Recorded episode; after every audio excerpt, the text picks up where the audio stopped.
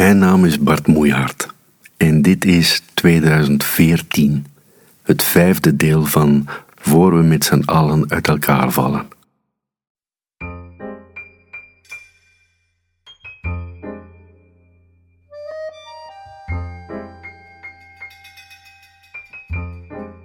Als ik de afzondering zou kiezen en ver weg van de wereld mijn solitude zou verkennen, zou me dat dan andere inzichten opleveren dan in New York? Daar een tijdje leven vereiste geen moed. Het was geen beproeving.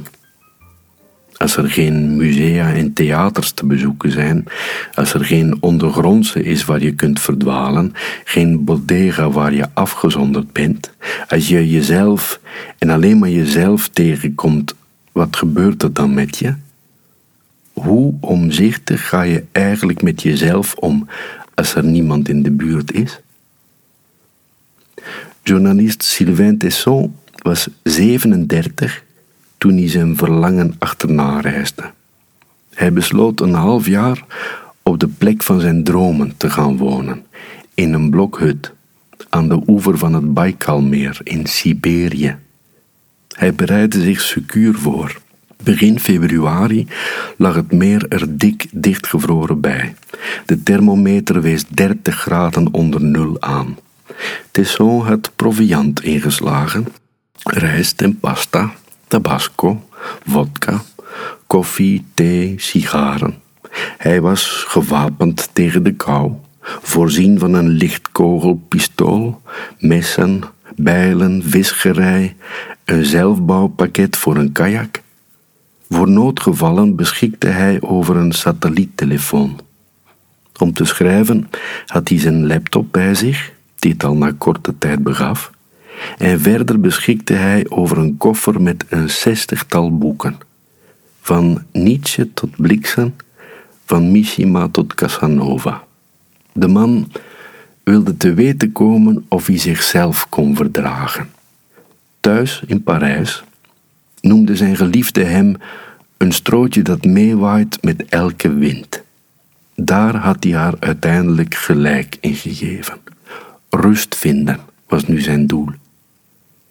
Dankzij het boek dat hij schreef, Zes maanden in de Siberische wouden, kunnen we thuis op de bank, met een pleed over ons heen, in Siberië wonen.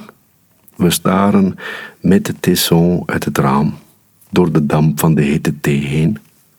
We ploegen urenlang achter hem aan, de helling achter de blokhut op. We haken een gat in het dikke ijs en we gaan met hem mee vissen.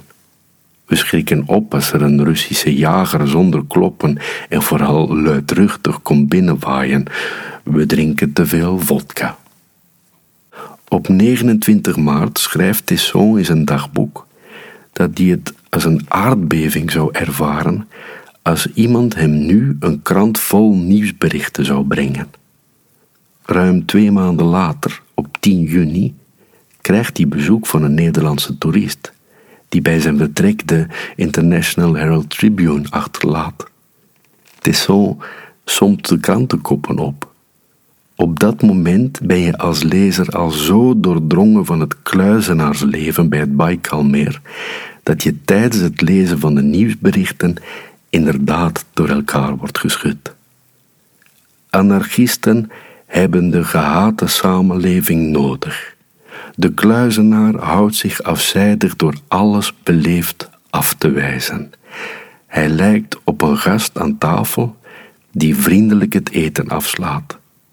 Als de samenleving zou verdwijnen, zou de kluizenaar rustig als kluizenaar verder leven, maar de dwarsliggers zouden werkeloos zijn.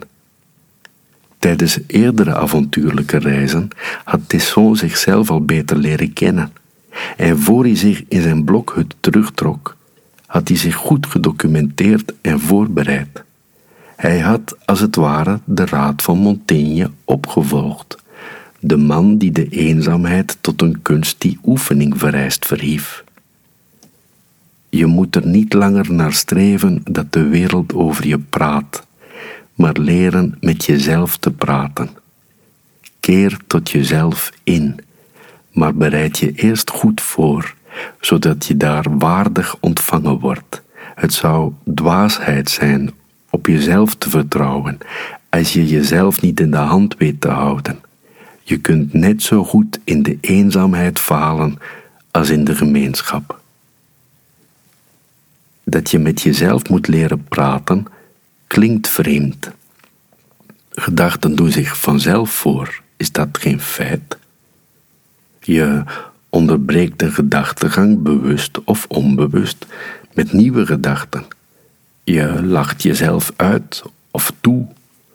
Een andere keer gaat je een licht op en denk je, dit denk ik dus. Het leerproces neemt jaren in beslag. Een broer van je schrijft een brief over slechte communicatie en onechte gesprekken, waardoor je je gaat afvragen wat goede communicatie dan wel is en hoe echte gesprekken klinken. Je bent erg gesteld op een andere broer die hele zinnen samenvat in het woord jong en toch denk je hem te begrijpen en noem je hem je lievelingsbroer.